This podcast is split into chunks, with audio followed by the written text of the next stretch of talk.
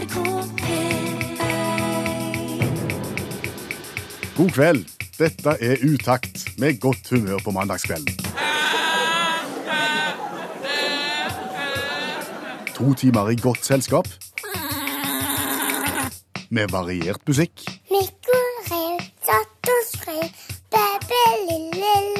Per Øystein Kvindesland. og Bjørn Olav Skjæveland. Jeg erklærer herved Radioprogrammet Utakt for åpnet.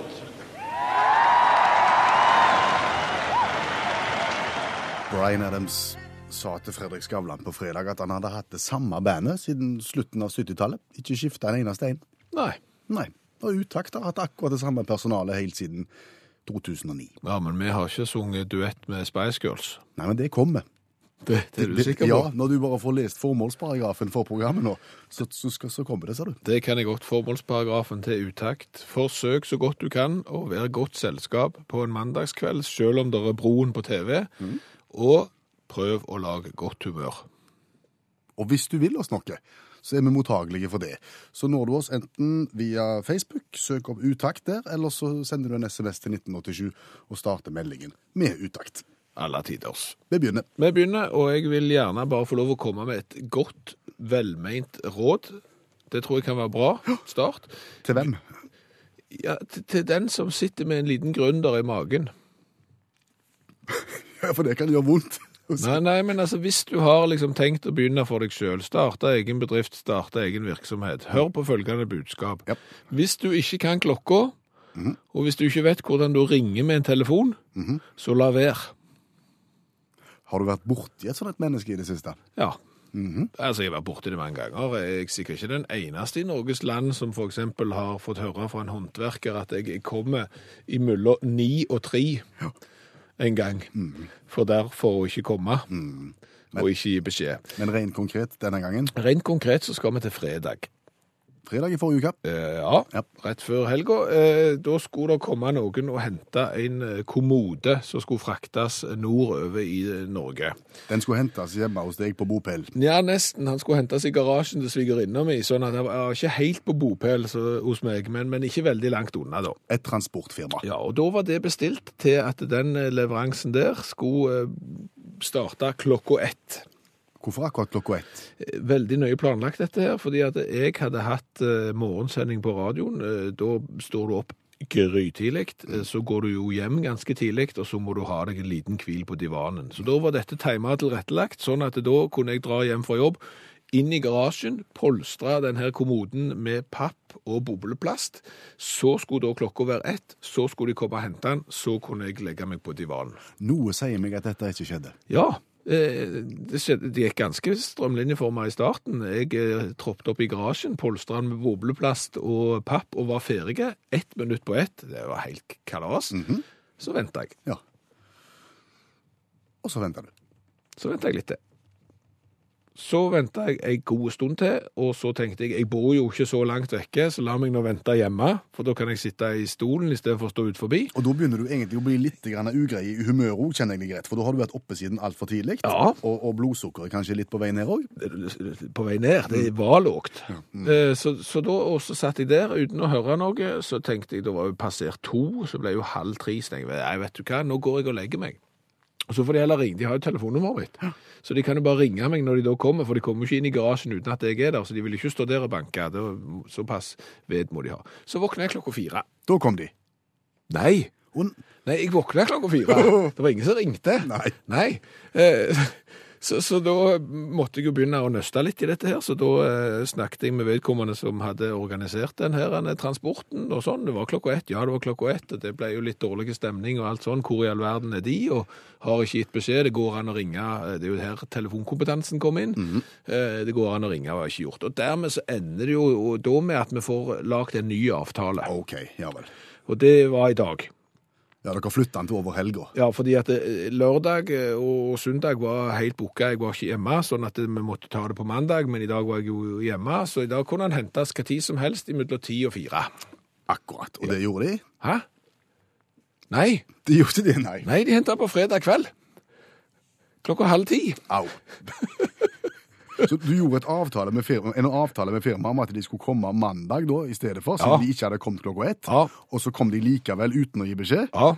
samme kveld. Ja. Var det folk hjemme da? Nei. Nei. Men, men dattera mi satt barnevakt der nede, så, så hun sendte meg melding. Nå har de vært og henta kommoden. Så, så hvis du ikke kan klokka, og ikke vet hvordan du ringer med telefon for å gi beskjed om at du faktisk ikke kommer, eller hva tid du har tenkt å komme, så ikke start bedrift. Hold On sang Jamie Walters. Brannmannen. Brannmannen. Ja, ja, jeg tror han er brannmann. Jeg føler jeg har han fra, fra såpeopera, fra såpeserie. Ja. Beverly Hills 90210. Der var han skuespiller før han begynte å synge, og så ble han brannmann. Hvor kommer 91210 fra i Beverly Hills? 90210 er postnummeret til Beverly Hills. Akkurat. Der har vi vært. Det har vi vært. Ja, det er der Hotell California ligger, faktisk. Ja, det heter ikke Hotell California. Hotell, heter Hotell Beverly Hills. Ja, men bildet er på coveret til Hotell California, Plata til Eagles. Ja. Og nå roter vi oss for så vidt vekk, men ikke helt. Nei, nei, egentlig ikke. Nei, for vi skal snakke om hotell, Ja, nesten. Fordi at Utakt liker jo å være et innovativt program som gjerne sår en liten gründer i det inn hos de kreative.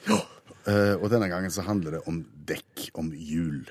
For eh, det er jo nå tida for å skifte hjul på bilen, i forbindelse med at eh, vinteren står for døren. Han har kommet noen steder i landet allerede. Ja, det har jo vært snø, men her i distriktet er det jo bare omtrent du som har skifta til dekk, for du syns jo at det er greit å være tidlig ute. Alltid greit å være tidlig ute.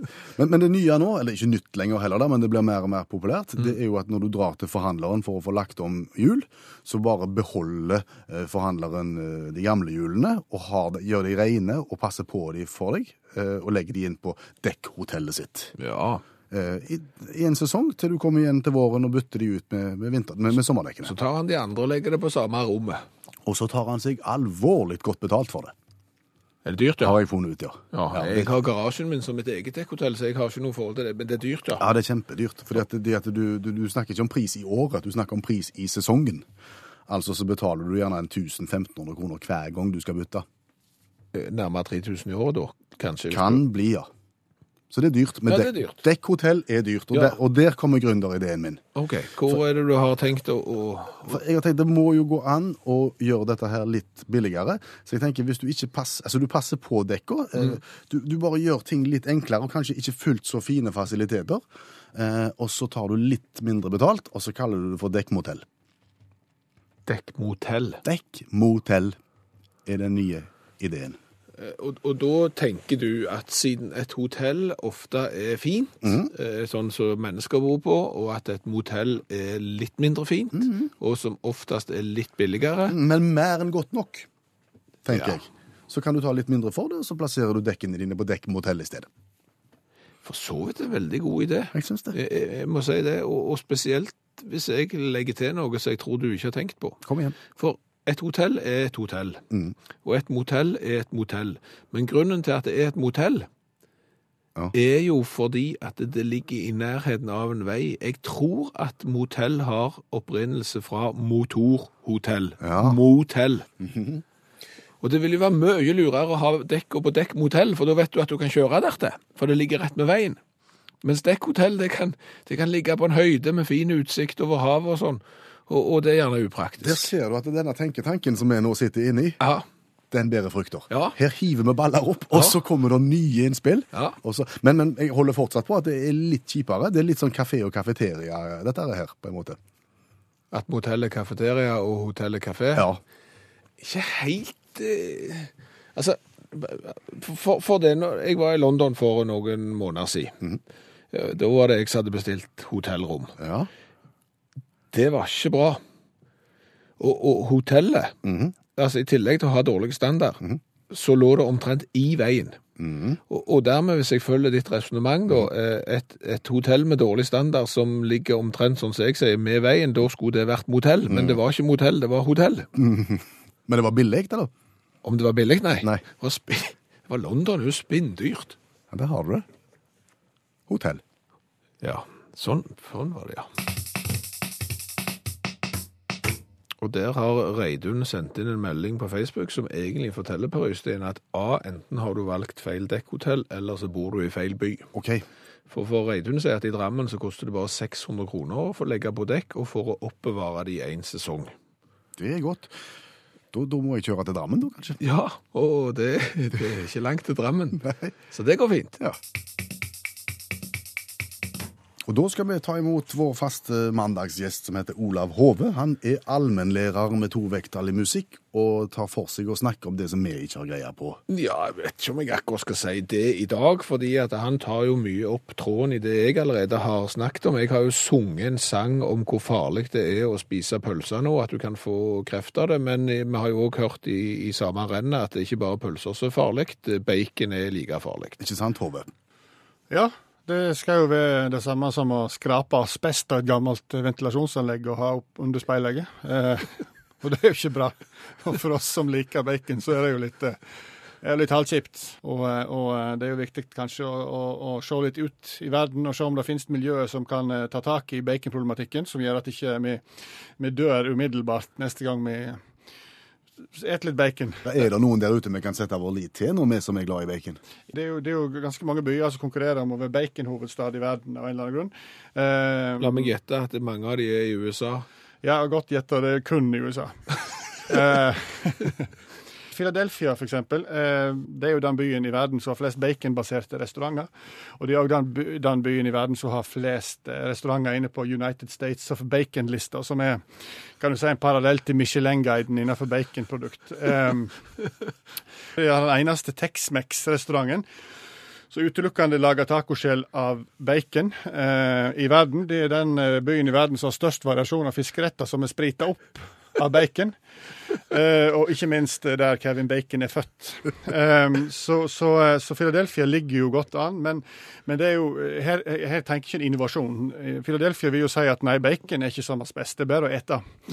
så, så det er ikke Philadelphia. Vi kunne gått til Los Angeles, uh, der et tjuetalls restauranter faktisk utelukkende serverer baconbaserte produkt. Og det har to ting til felles, og det er at alle disse her restaurantene de, har, de selger de to rettene baconkledd bacon og baconburger med bacon. Baconkledd bacon.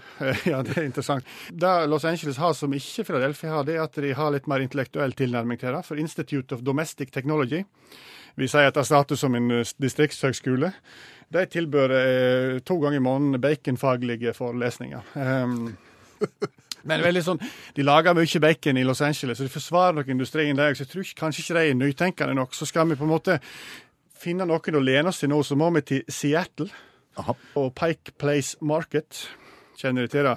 Nei. Nei, midt i byen. Eh, der har en slakter som er William von Schneidau. Han eh, selger marihuana-infisert bacon. Eh, det gjør ikke at han blander marihuana i bacon og han fôrer grisen med marihuana.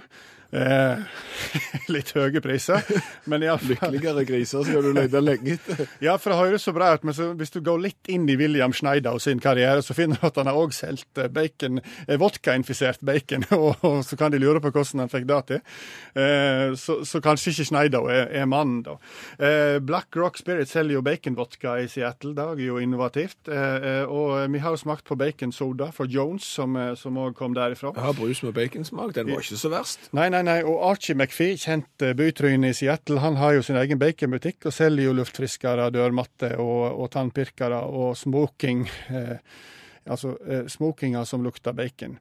Jeg føler at det mangler liksom en Hva skal de gjøre nå når de ikke kan forholde seg til bacon lenger? Ja, for det skal vi til J&D's, som kanskje er, vil jeg si, da, etter min vurdering er verdens fremste, kan du si, bacon-tenketank. Um, de, de ønsker liksom å, å utvikle bacon som produkt til ja, så det kan brukes til andre ting. Byggemateriale, blant annet. Baconkiste.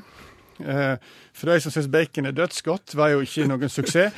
Så, er, så har de kommet fram til rosiner i pølsa, og det er liksom det som skal bli framtiden. Og Det er det som skal gjøre at vi skal for evig alltid la grisen få gå i fred. Og det er da den eh, berømte produktet som de har prøvd ut nå noen år, som nemlig Bacones smørbart produkt. Og det er akkurat der det er. De tenker ja, det er en blanding mellom bacon og majones. Fordi at Enketanken de tenkte at hva er den beste kombinasjonen her i verden? Jo, det er majones og bacon. Og, og hvordan kan vi kombinere det? Jo, vi blander majones og bacon. Og da var jækla godt, men det var jækla usunt òg, da. Så nå har jeg til slutt nå, eller ikke til slutt nå, eh, slik som det ligger an i per i dag, da, så har jeg laga bacones som er feitfri, han er kolesterolfri, han er erkesunt, han har kun naturlig tilsetningsstoff, og dette skal da erstatte bacon. Ett problem smaker dritt. Da vet vi det. Takk skal du ha, Olav Hove, allmennlærer med to vekttall i musikk. Tok du notater nå? Ja, jeg fikk ikke lyst til å smake det i det hele tatt. Du vet du hva? Nei. Jeg bare kom på noe. Hvis Megan Trainer får for eksempel en sønn, Ja. så kunne hun kalt han for fotball Det til fornavn. Fotballtrainer, ja. Mm. Jeg ser den. Hørtes egentlig mye bedre ut eh, når jeg tenkte på han. Da lar man bare være. Ja. Jeg kom over en plakat ute i det offentlige okay. for en tid tilbake. Eh, Den viste bilde av fem sånne parfymeflakonger. Og så står det da en tekst under. Én av fem plages av din parfymebruk. La uke 44 være parfymefri. Tar du utfordringen? Hilsen Astma- og Allergiforbundet. Og nå har vi tatt fatt på uke 44. Det er mandag i uke 44, og jeg har sagt ja, jeg tar utfordringen. Jeg har ikke spraya meg før møtet med deg nå i kveld. Kjenner du det? Nei. Jeg gjør ikke det, og, og, og med all mulig respekt både for deg og, én av fem i eh, forbundet for de som reagerer for, på lukt og, og sånn, så jeg ser jo at det kan være plagsomt, men, men jeg tenker at det, hvis du ikke tar på deg parfyme, så, så er det kanskje fire av fem som synes det er ubehagelig, eller egentlig fem av fem. Så alternativet er verre, mener du? Ja, for, for det er jo en grunn til at vi parfymerer oss, og, og nå tenker vel gjerne du bare at parfyme er liksom sånn eau de toalett og sånn. Altså parfyme er jo parfum, er jo fransk og er jo mer lukt, sant? og det er parfyme i all slags fra såpe til aftershave til deodoranter til oppvaskmidler, og er såpe overalt. Så du frykter nå at hvis folk skal gå inn på denne kampanjen her og unngå parfymebruk, så vil de unngå deodorant, unngå oppvaskmiddel, unngå håndsåpe og, og det toalett? Ja, og, og jeg tror det kanskje ikke er så bra. Hvis, hvis folk tar det så langt. Da tror jeg rett og slett at du plager, som jeg sier, fem av fem. Fordi at det, eh, det, det jeg heller tror vi skal prøve å få, til, det er kanskje begrensningens kunst Ja, heller. ja. Istedenfor ikke. Fordi at det, det er jo de som, som sverger til bare og naturell. Og, og så tenker jeg at hvis jeg bare vasker meg i bare vann, mm. og hvis jeg bare bader i bare vann, og hvis jeg vasker håret mitt i bare vann, og vasker huset mitt i bare vann, det lukter ikke godt. Nei. Så, så, så det tror jeg. Og så tror jeg heller vi sier at vi har vært inne nå i en positiv utvikling. Verden har gått framover når det gjelder lukt, tror jeg vi kan si. Ok, Sier du at det var mer lukt før? Ja, Altså Hvis vi skal ta vårt eget erfaringsgrunnlag og, og legge det til grunn, så vil jeg si definitivt. Hvis du husker tilbake f.eks. i guttegarderoben på ungdomsskolen, når vi først begynte med, med, med aftershave og deodorant, Ja. så var det rikeslikt. Det var rikeslikt. slikt. Det svei godt i både øynene og på huden. Ja, og når jeg lukter på ungdommene i dag Det, det, kom, det, det kom feil ut. Ja. Jeg har ungdommer i hus, og de bruker ikke så mye som jeg brukte. Det var det jeg skulle fram til. For, for det var vel sånn at over guttegarderoben på ungdomsskolen jeg gikk i, så tror jeg det var hull i ozonlaget. Det var det, sa du. Ice Blue, Ja, Irish Spring, Blue Stratos, Noble Man hadde vi. Brut 33. Den svei. Wow. Ja, egentlig så svei de alle. Det er klart, Naken ungdomshud uten så mye som et hårstrå under armene, og så tar du rike slikt med, med, med deodorantspray unna, og omtrent til armen står ut av seg sjøl. Det er klart det svei. Og så tar du på deg T-skjorta og skjorta, og så tar du en liten runde til ut på skjorta oh, ja, det- for må- å sikre. Ja, du måtte ha litt utpå. Ja. Men det som jo var så fint med deodoranten, altså med den spraydeodoranten, som jeg ikke tror at noen bruker den dag i dag, det var jo det at han hadde jo andre virke... Altså, den kunne brukes til mangt. Den hadde bruksområder. Utrolige bruksområder. Blant annet så kunne du tagge med den. Hva- mener du med tagge? Altså Tagging er jo å spraye mønster på vegger og male med sprayboks. sant? Og male motiv. Men hvis du tar eksempel da en sånn en eh, deodorantboks, eh, som sikkert inneholder butan eller en eller annen drivgass, eh, så satte du fyr på det når du sprayde, og så sprayde du på veggen, og dermed så fikk du svigraffiti på veggen. Mens Hvordan lukta det mens du Det lukta en god blanding av svigraffiti og eksempel Brut 33. Så, så det var jo feiende flott. Jeg vil ikke anbefale deodorant skråstrek eh, eh, i forbindelse med fjerning av spor. Kom jeg på nå, når du snakker om alternative bruksområder. Fjerning altså, hvis, spor. Ja, hvis det for eksempel, hvis det for eksempel har vært røykt inne Ja, i et kjellerstue hvor det ikke skal røykes inne under noen omstendighet, ja. så, så har du et behov for å få vekk den røykelukta. Hvis du dynker vegg-til-vegg-teppet da med akvavelva, Ja. så får du en litt underlig blanding av røykelukt og akvavelva som ikke lukter godt i det hele tatt, og som ikke fjerner noen spor. Det eneste du oppnår, det er at røykelukta etter hvert forsvinner, men akvavelvaen sitter i for evig. OK, sånn at hvis Og da vil du faktisk si at fem av fem faktisk reagerer på det, ikke bare én av fem. Fem av fem. Er det rom for bitte, bitte, bitte lite grann gladjodling? Ja, altså jodling er veldig kjekt i små mengder. Nok. Ja, haugen på nok. For å fortelle om at det nå er tid for å melde seg på konkurransen. Konkurransen der vi søker motiverte deltakere. Ja, for det er sånn, altså Arbeidstakerne vil du skal være motiverte, idrettsutøverne vil du skal være motiverte, og vi vil at deltakerne i spørrekonkurransen vår skal være motiverte. Mm. De må bære på et, en indre driv for å, å, å delta i denne uhøytidelige konkurransen, hvor alle vinner uansett hvordan det går. Ja, vi kan jo først fortelle hva konkurransen går ut på. Her har jeg seks spørrebøker som ligger på pulten foran meg. Vi velger vilkårlig spørrebok, og vi velger vilkårlig spørsmål, og så svarer du så godt du kan. Uansett, som jeg sier, svarer du feil på alle, så får du utsagt i T-skjorte med V-hals. Svarer du rett på alle, så får du utsagt i T-skjorte med V-hals. Alle går ut som vinnere. Det er også litt av konseptet her. Ja, og hvis du syns at dette hørtes så kjekt ut fordi at så forteller du hvorfor du er motivert for å være med på Utakt sin konkurranse. Hva er det som gjør at dette har jeg så kjempelyst til på en mandagskveld da klokka nærmer seg elleve? Det er akkurat denne motivasjonen vi er ute etter. Og den lille teksten, hvorfor du har lyst til å være med, den sender du på SMS til 1987, og så starter du meldingen med uttakt. SMS til 1987, start meldinga med utakt og fortell hvorfor du har lyst til å være med. Ja. Nå skal vi møte en annen kar som har vært med i en stor konkurranse. Han vant. Det er mulig det er et uh, alderstegn, men jeg leser dødsannonser. Det er et alderstegn. Ja, jeg begynner gjerne der i avisa òg. Det er iallfall et alderstegn. Ja. Hvor gammel er du egentlig? Nei, det- Mentalt 250 år. ja. Ja. Men jeg har bedt meg merke i en ting, og det er det jeg hadde lyst til å ta opp nå. Eh, ikke så rent sjelden, eh, når eh, damer har avgått ved døden, så står det et navn, et helt vanlig norsk navn, og så står det gjerne parentes lillemor, parentes slutt. Eller noen ganger også parentes tullemor, parentes slutt. Ja.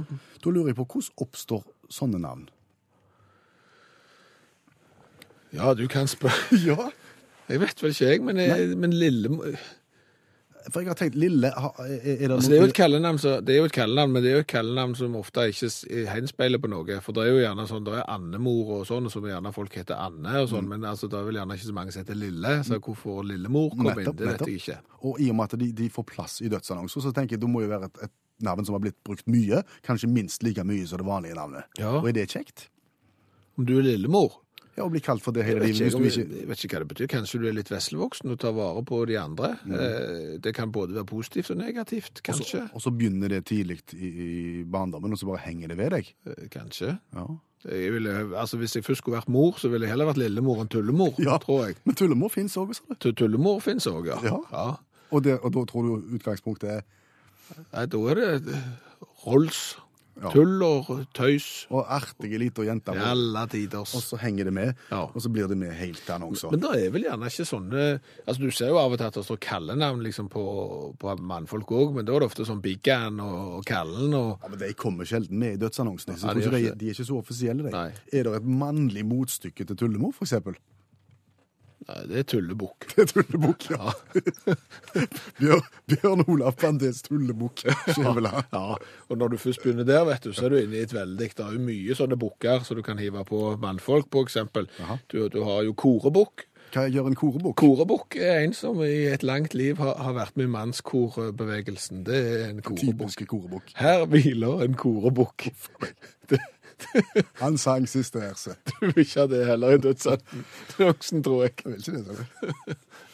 Nei, vi fikk ikke svar, men vi har lufta det. Ja, hvis det er noen som har svar, hvor kommer lillemor og tullemor fra, så for all del send en SMS til 1987, start meldingen med utakt, eller gå inn på Facebook-sida vår Utakt. Og vi har eh, søkt motiverte konkurransedeltakere, og det finnes en hel haug med motiverte konkurransedeltakere der ute, men vi har plukt. Hilde skriver i SMS-en sin at hun begynte dagen på Furuset i Ullensaker, så møte i Oslo, så fly til Bodø og to timers kjøretur til, kjøretur til Beiarn for å være med på årsmøtet i Beiarn landbrukslag, og nå samme kjøretur tilbake til Bodø. Motivasjonen er å holde seg våken av spenning om hun kommer med i konkurransen. Hilde Furuset Johansen, god kveld. Hei. Hvor langt har du kommet? Halvtimes kjøring igjen. Nå sleit vi litt med forbindelsen din, så nå hørte vi ikke hva du sa i det hele tatt. Skal vi prøve en gang til? Jeg sier at jeg er kommet til misvær, føler du meg? Ja, Noe bedre, ja?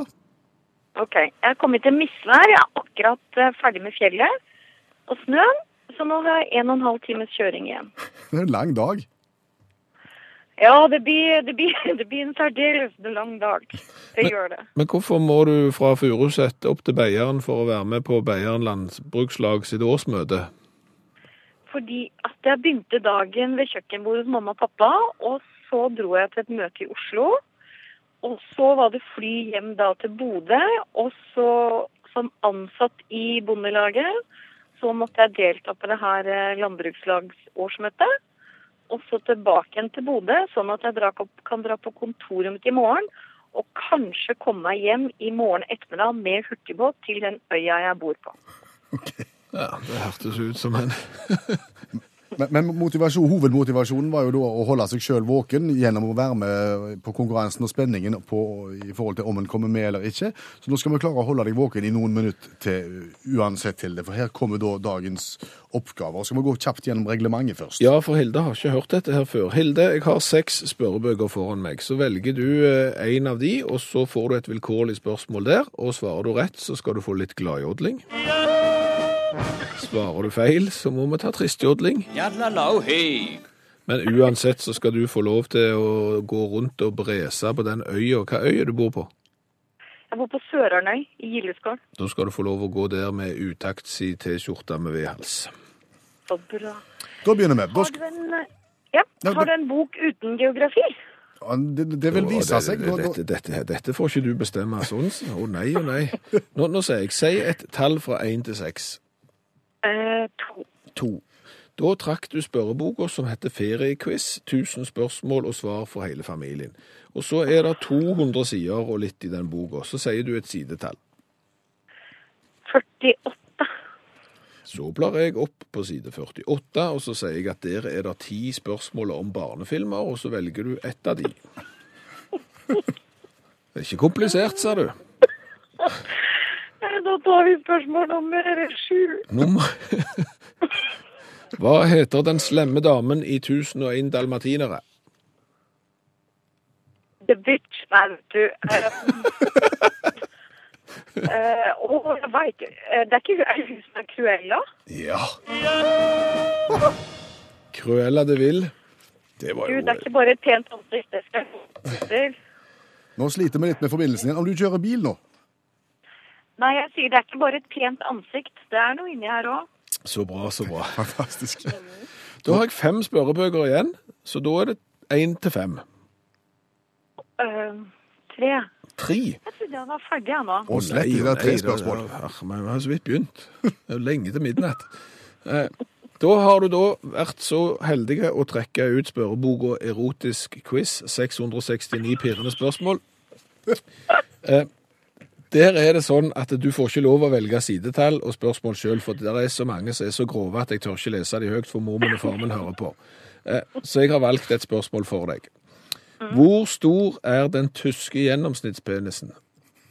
Og her må du ikke forveksle med franske, italienske, amerikanske og andre. Altså det er A 12,4 cm, B 13,4 eller C 14,4. Hvis man skal resonnere seg litt eh, logisk frem her, da, så er jo det et EU-land. Ja. Så du tenker det er EU-normen her som slår inn? Ja, jeg tenker da har de en viss standard. Tenker, Eh, tenker du da på krumming? det var det krumming det gikk så det var det kanskje. Jeg tror jeg tar B. B 13,4 cm. Oi sann, der kom, tr- der kom tristjodling. Ja, altså tu tyskerne er utstyrt som en eh, norsk rødt fe, de altså. Det er C. Det er f- 14,4 centimeter som er den tyske gjennomsnittspenisen. Ja. Da har vi notert det, og så går vi løs på siste oppgave og øh, nok et tall og en ny spørrebok. Ja, da er det bare 1 til 4. Nei, i lys av det forrige spørsmålet da er tallet seks. Seks, ja. Det er dumt det, for det er bare fire spørrebøker igjen, men da tar jeg den som er nærmest. Og det er barnas eh, spørrebok. Min første spørrebok. Her er det eh, bare 30 sider, og det er skrevet med store bokstaver. Hvilket vil du ha? Uh, er jeg nå på bok? Det er bok nummer tre. Nå er du på barnas spørrebok, og der er det 30 sider, så hvis du bare sier et tall mellom 1 og 30, Side tre. side tre. da går vi helt i starten, og her er det så fryktelig få spørsmål at her er det nesten bare ett på ei side. Og da er spørsmålet her, hva heter nevøene til, o, til Donald Duck?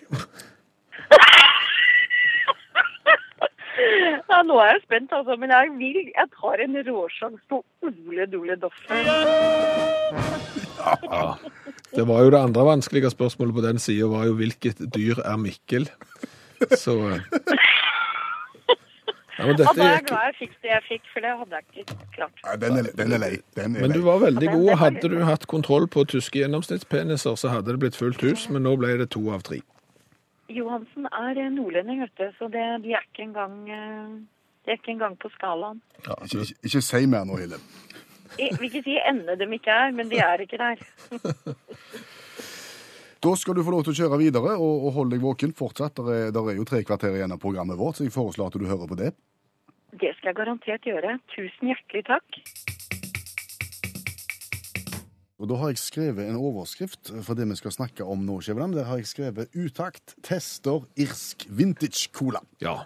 Det er Riv ruskende galt. au. Fordi Fordi nå kan jeg fortelle deg det, at jeg sitter med ei flaske foran meg så det står Dublin Vintage Cola på. er det løye jeg gjetter på Irland, da? Nei, men det er Dublin i USA òg, ser du. Å. Og det er der han kommer ifra. Det er en finte. Ja. Men la oss ta bakgrunnen her. Dette er da en del av Utakts store coladugnad, hvor vi smaker på cola fra hele verden for å hjelpe deg som skal ut og reise. Vi vet jo det at nordmenn er et reisende folkeslag, og så er det jo sånn at vi òg er et coladrikkende folkeslag. Og dermed er det jo lurt å vite hvilken cola skal du drikke i hvilket land. Skal du f.eks. når du kommer til Danmark gå for sportscolaen til Hancock? Svaret er nei. Da velger du heller Ja, altså Foreløpig samme, da kan du heller gå på vanlig cola, eksempel, som de òg har der. Eh, Du kan gå på Hancock-colaen, som er mye bedre for det samme bryggeriet enn sportscolaen, eksempel. Det, det har du jo da lært. Er du i eh, Japan, eksempel, så drikk gjerne Los Angeles Cola. Og er du i Sør-Korea, så er det en du absolutt må ta for deg, og en som du absolutt ikke må ta for deg. Ja, men cool er jo kanskje det ringeste, eller det verste vi har smakt noen gang, det er da cola med byggekstrakt i. Den ligger nesten helt på bånn. Det eneste som gjør at den ikke ligger på bånn, er at den har en kul etikett. Og, og årsaken til at vi kan holde på med dette her, og smake på en ny cola uke etter uke etter uke, det er at Utakts er så greie at de sender oss flasker, de kommer innom med flasker, vi får flasker fra hele verden, og fortsett med det, vi setter pris på det. Og i dag skal vi altså til Dublin, ikke Irland, men in the United States of the USA. Ja, det er et ganske spennende bryggeri, ser du. Dublin Bottling Works har historie helt tilbake til 1891. Eh, Dette Dublin-foretaket var et av de første til å begynne å helle Dr. Pepper på, på flaske. Eh, De skilte lag etter hvert. Dr. Pepper gikk til seg, og Dublin gikk til seg. eh, Og nå har de da i- istedenfor satsa på all slags sånn sodavann. Akkurat. Yes. Skal vi smake på Dublin Cola nå? Det gjør vi. Og jeg åpner og kan fortelle at det er mye rørsukker i denne. Det er sikkert et eller annet kjekt. Ja. Eh, og så er etiketten ser ut som et eh, sånn et eh, flagg som de vifter med når de eh, går i mål i Formel 1. Sånn et rudete, svart og hvitt-rudet eh, flagg. Og vi snakker om glassflaske 033. Ja, er altså han heter jo vintage, så de har tydelig lagt opp til et litt gammeldags preg. Det skal de ha. Ja.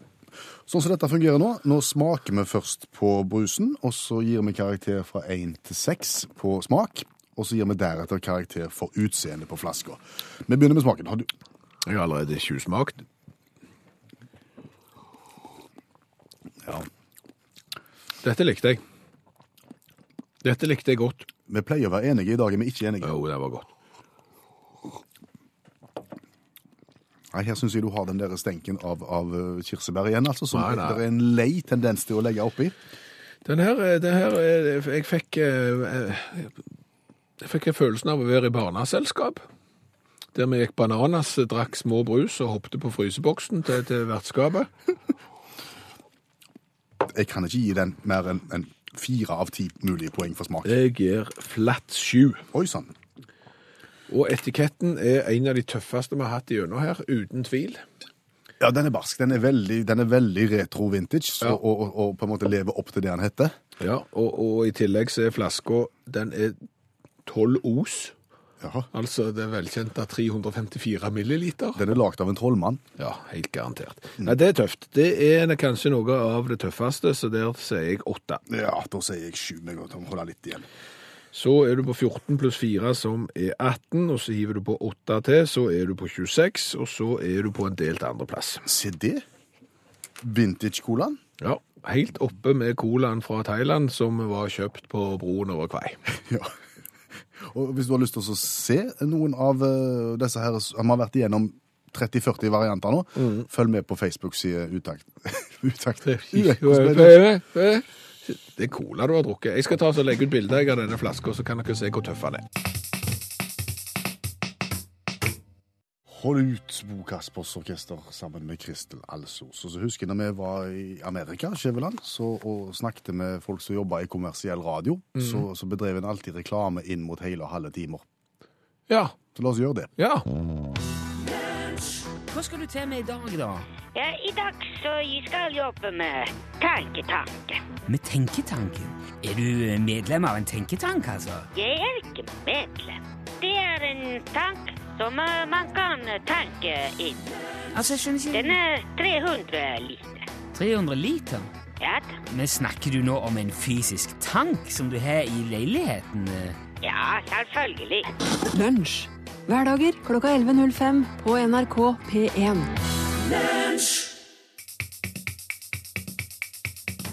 Céline Dion, The Power of Love. Det er vel såpass mange Power of Love-sanger i verden, Skjæveland. Vi skulle klart å lage et helt radioprogram med bare Power of Love. ja, det tror jeg. Forskjellige Power of Love-lover. Ja, og jeg tror vi skulle begynt med Hugh Lewis and the News sin versjon. Kanskje den tøffeste. Kanskje. Til helga er det halloween. Ja, mange unger gleder seg, og så er det mange voksne som syns at halloween er noe tøys og tull. Det er et eller annet vi har importert fra USA, og det er bare Noe vi bør holde oss for god for til å styre med her på berget. Ja. Eh, vi kom i prat med allmennlærer med to vekttall i musikk, Olav Hove, som gjester Utakt hver eneste mandag, om nettopp dette her. Og han ser det ikke sånn. Han ser det ikke sånn i det hele tatt. Han tenker mer på at høsten er mørk, trist, lite fridager, lenge igjen til jul. Vi trenger festivitas. Til motsetning fra det som de mener, de som mener at dette er importert tøys. Hove snur problemstillingen på hodet. Vi skal snu på alt, ja. Skal vi si vi trenger mye mer. Hva er det andre mye mer? Hvis vi kikker litt ut, f.eks. til Amerika, så har de eh, høsttakefester. De kaller det for State Fair.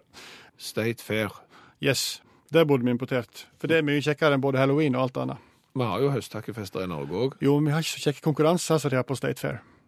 Og det er ikke akkurat 60 meter og stille lengder de drar på der borte. Eh, men det kan komme noen forslag, eh, noen eksempel, da. Iowa State Fair eh, i Des Moines. Eh, forresten en av byene som hadde lyst til å bli baconhovedstad i verden. Til og med en som mener at Des Moines er finsk for baconbyen. Det tror jeg er bare tull. Men iallfall eh, Peita er det. ja, det er det kanskje. Men iallfall Men hva er konkurransen som du prøvde å snakke om? ja, til, ja, til. De har, de har mange konkurranser, og blant annet, blant annet så har de et utedoløp. Eh, og der er det ganske strenge regler. da. For et utedo må jo være et utedo. Da må du kunne avtrede og slike ting, og det er kravet. Og så må det være hjul på den, og så er det konkurranse. 1500 meter i kupert terreng, og utedoen må kunne virke. Skal du springe med doen? ja, tre stykker skubber og en, en, en styrmann, da. Men er det noen som bruker den underveis? Det er ingen inni. Nei, men jeg må bruke den etterpå. Så det er jo for så vidt, eh, det er jo for så vidt greiest å være styrmann, men det er litt pinlig når du må bevise at den virker. da. Eh, og pinlig for deg når den ikke virker, kan du si. da. Eh, spesielt designa utedo, bygd for fart. Eh, aldersgrensa 15 år, fire personer, som sagt. Uhyre populært. Kan vi ta med oss Kentucky, Louisville, stygg lampekonkurranse. Der konkurrerer folk fra hele staten. Kentucky med sine styggeste lamper. Vinner i 2005-konkurransen Amber Lynn fikk i lampe bygd utelukkende av nøtter. Og for å skru på, så måtte du dra i halen på et utstoppa eh, ekorn. Fikk skryt for både stygg lampe og for at det var såpass ekkelt å skru på at ingen ville gjøre det. Eh, Salt Lake City, Utah State Fair, råtten joggeskokonkurranse. Der skal altså folk vise fram de styggeste og mest illeluktende joggeskoene de har. Ett krav, de må være tørre. Fem dommere som eh, vurderer konsistens og lukt. Stor oppstandelse i 2013 da seks år gamle Israel King, han heter Israel, ja, yngste noensinne, som vant, eh, vant eh, konkurransen, ble sendt til det nasjonale mesterskapet i Vermont, og nestemann på lista var 15 år, så yngste noensinne. Så det er stinkende joggesko sin Martin Ødegaard der, altså. Israel King. Faren Jake sier da i en kommentar at han har arve, arvelig belasta både han og hans sin far, og faren for det var kjent gjennom hele staten for at det lukta grassat av føttene deres. Louisiana i uh, uh, Baton Rouge, ja. Uh, høyballskulpturkonkurranse. Gordon Stone vant i fjor. Eh, bygde en Cadillac. Eh, bygde, brukte fire høyballer til å bygge en Cadillac. Brukte 13 liter maling og en halv kilo utropstegn glitter. Uh, for de som har studert uh, jordbruk i, uh, i Louisiana, så vet de at de bruker ikke plastikk på høyballene. Helt annet klima. Så, så de, de har ikke den problematikken, da. Må tåle regn og vind og vær i seks til sju dager, og klarer han det, så vinner du da 100 dollar, som er forholdsvis lite for en jobb som tar minst i veka. Ok, Så det vi sier her, det er at vi trenger da en, en sånn en state fair, eller vi, kan legge inn en i, i hvert fylke, egentlig, i Norge. Jeg syns det. Og så adopterer vi en del av konkurransene her. Ja, og trenger de hjelp til å vite hva det dreier seg om, om det så er det jeg har nevnt, eller om det er melkebartkonkurranse fra Oregon, eller om det er lama lookalike fra Minnesota, eller om det er eh, utstoppa dekorerte bleier fra Illinois, så er det bare å ringe meg. Kan fort bli en kjekk høst med, med den slags konkurranse. Det blir kjekt, det. Jeg skulle vært med i den der og trilla utedassen, jeg. Det hadde vært bra. Private Dancer, Tina Turner på vokal og Mark Knopfler på gitar. Og Jeg sitter akkurat nå og ser på min egen Facebook-profil på, på internettet, og der dukker det opp en overskrift som sier følgende Minnene dine på Facebook. Så står det videre Per Øystein, komma, vi bryr oss om deg og minnene du deler her. Vi tenkte at du kanskje ville se tilbake på dette innlegget fra ett år siden. Og det fikk jeg plutselig lyst til å se tilbake på, for det var du jo med på. Jeg var med på det, jeg òg.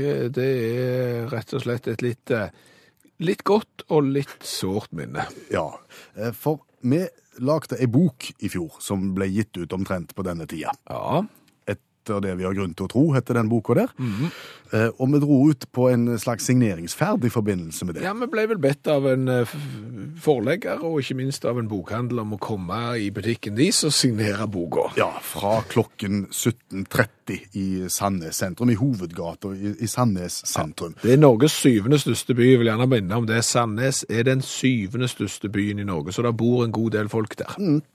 Der møtte vi opp, og når vi kom da litt før vi skulle begynne å signere, så sto det allerede ei dame og venta forbi døra. Ja. Så vi tenkte dette blir bra. Ja. Når folk står i kø allerede nå, så vil dette bare balle på seg. Så her kommer det til å gå mye bøker. Så hun kom inn, fikk et signert eksemplar, gikk ut, og så ble det stilt. Så ble det veldig stilt. Veldig stilt ble det, og veldig lenge var det stilt òg. Ja. Så kom innehaveren med en liten boks med småkaker. Ja, det er alltid godt når det er stilt. Da kan du nyte småkaker og litt eh, kaffe, og så spiser du det, og så blir det veldig stilt etterpå der. Vi hadde jo heldigvis piano i butikken da, Ja, vi så vi fikk jo spilt og sunget litt. Grann. Ja, Vi vandra litt rundt og så prøvde å få tida til å gå. Ja. Eh, men det kom lite folk. Veldig lite folk. Vi skulle sitte til sju. Det kom jo faktisk så lite folk at du kan si ingen. Egentlig så kan du det. Eller det vil si, ca. et kvarter før slutt så kom det én, så tenkte jeg, OK, én til. Ja, han, til. det to er ikke så verst. Det er dobbelt så mye som én, så det er bra. Men han satte seg ned på sida av oss der som vi satt og, og skrev, mm. og fant fram sin egen penn.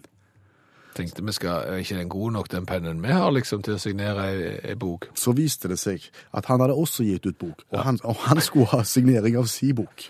Etter oss. Ja, han hadde lagt, Vi syns å huske at han hadde skrevet ei bok eh, vedrørende noen fiskeriavtaler under den kalde krigen. Ja.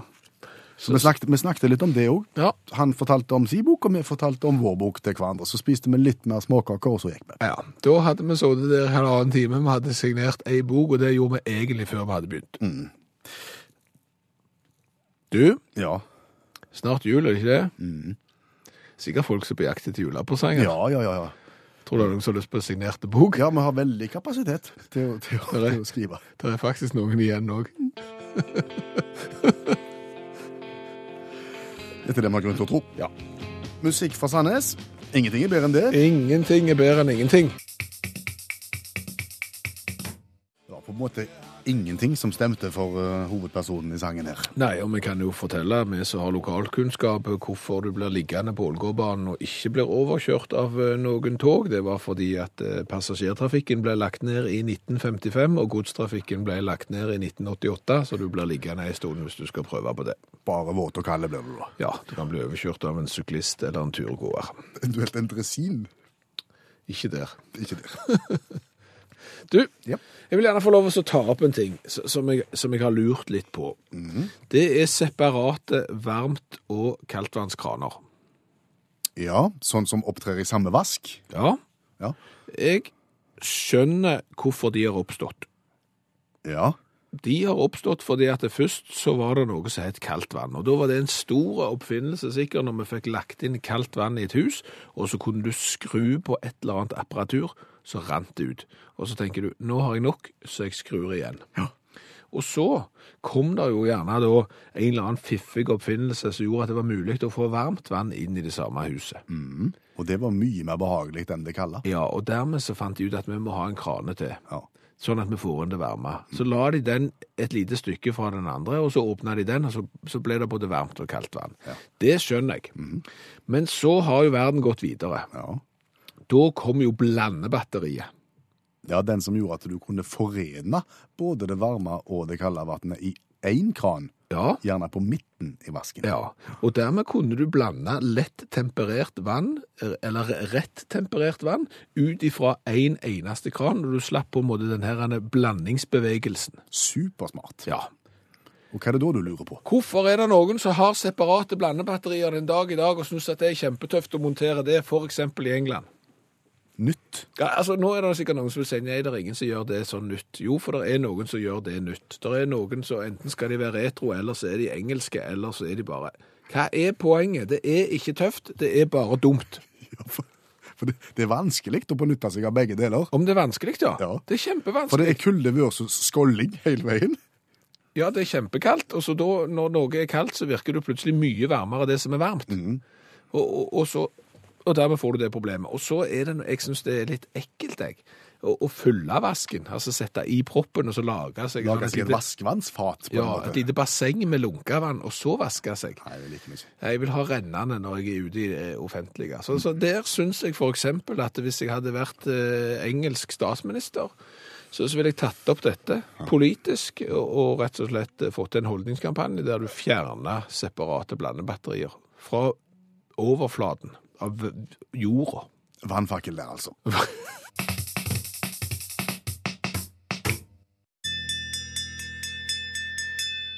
Utakt leser høyt fra boka 'Norges morsomste vitser'.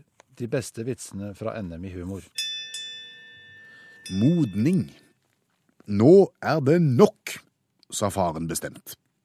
Når guttungen ber om å få en blondine og ikke en brunette til barnevakt, da trenger han ikke barnevakt lenger.